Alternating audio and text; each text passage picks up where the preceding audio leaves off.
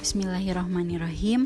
Assalamualaikum warahmatullahi wabarakatuh Perkenalkan nama saya Lismaning Swasti dengan NIM 1800294. Di sini saya berasal dari kelompok 5 yang akan mencoba menjawab pertanyaan dari saudara Muhammad Irfan yang berasal dari kelompok 2. Pertanyaannya adalah mengapa dalam tahap implementasi menjadi sebuah tahap yang aktif dalam segi pencarian informasi terhadap sebuah inovasi.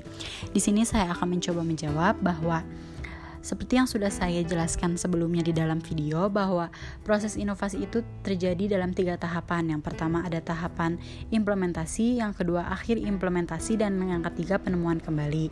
Nah, di tahapan implementasi ini biasanya masalah dalam cara tepatnya menggunakan inovasi dapat muncul pada tahap implementasi ini. Implementasi biasanya mengikuti tahap keputusan secara langsung, kecuali jika dihambat oleh beberapa masalah logistik seperti tidak tersedianya sementara inovasi. Nah, dalam implementasi ini biasanya Seseorang secara khusus ingin mengetahui jawaban atas pertanyaan seperti di mana saya mendapatkan inovasi, bagaimana cara menggunakannya, masalah operasional apa yang mungkin saya hadapi, dan bagaimana saya bisa menyelesaikannya. Nah, jadi pencarian informasi yang aktif biasanya terjadi pada tahap implementasi ini.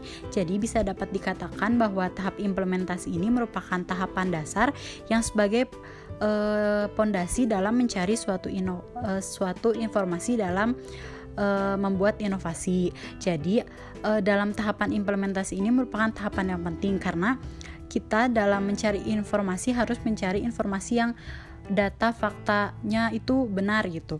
Karena jika dalam mencari informasinya pun tidak benar, maka e, terbentuknya sebuah inovasi pun tidak akan berjalan dengan semestinya.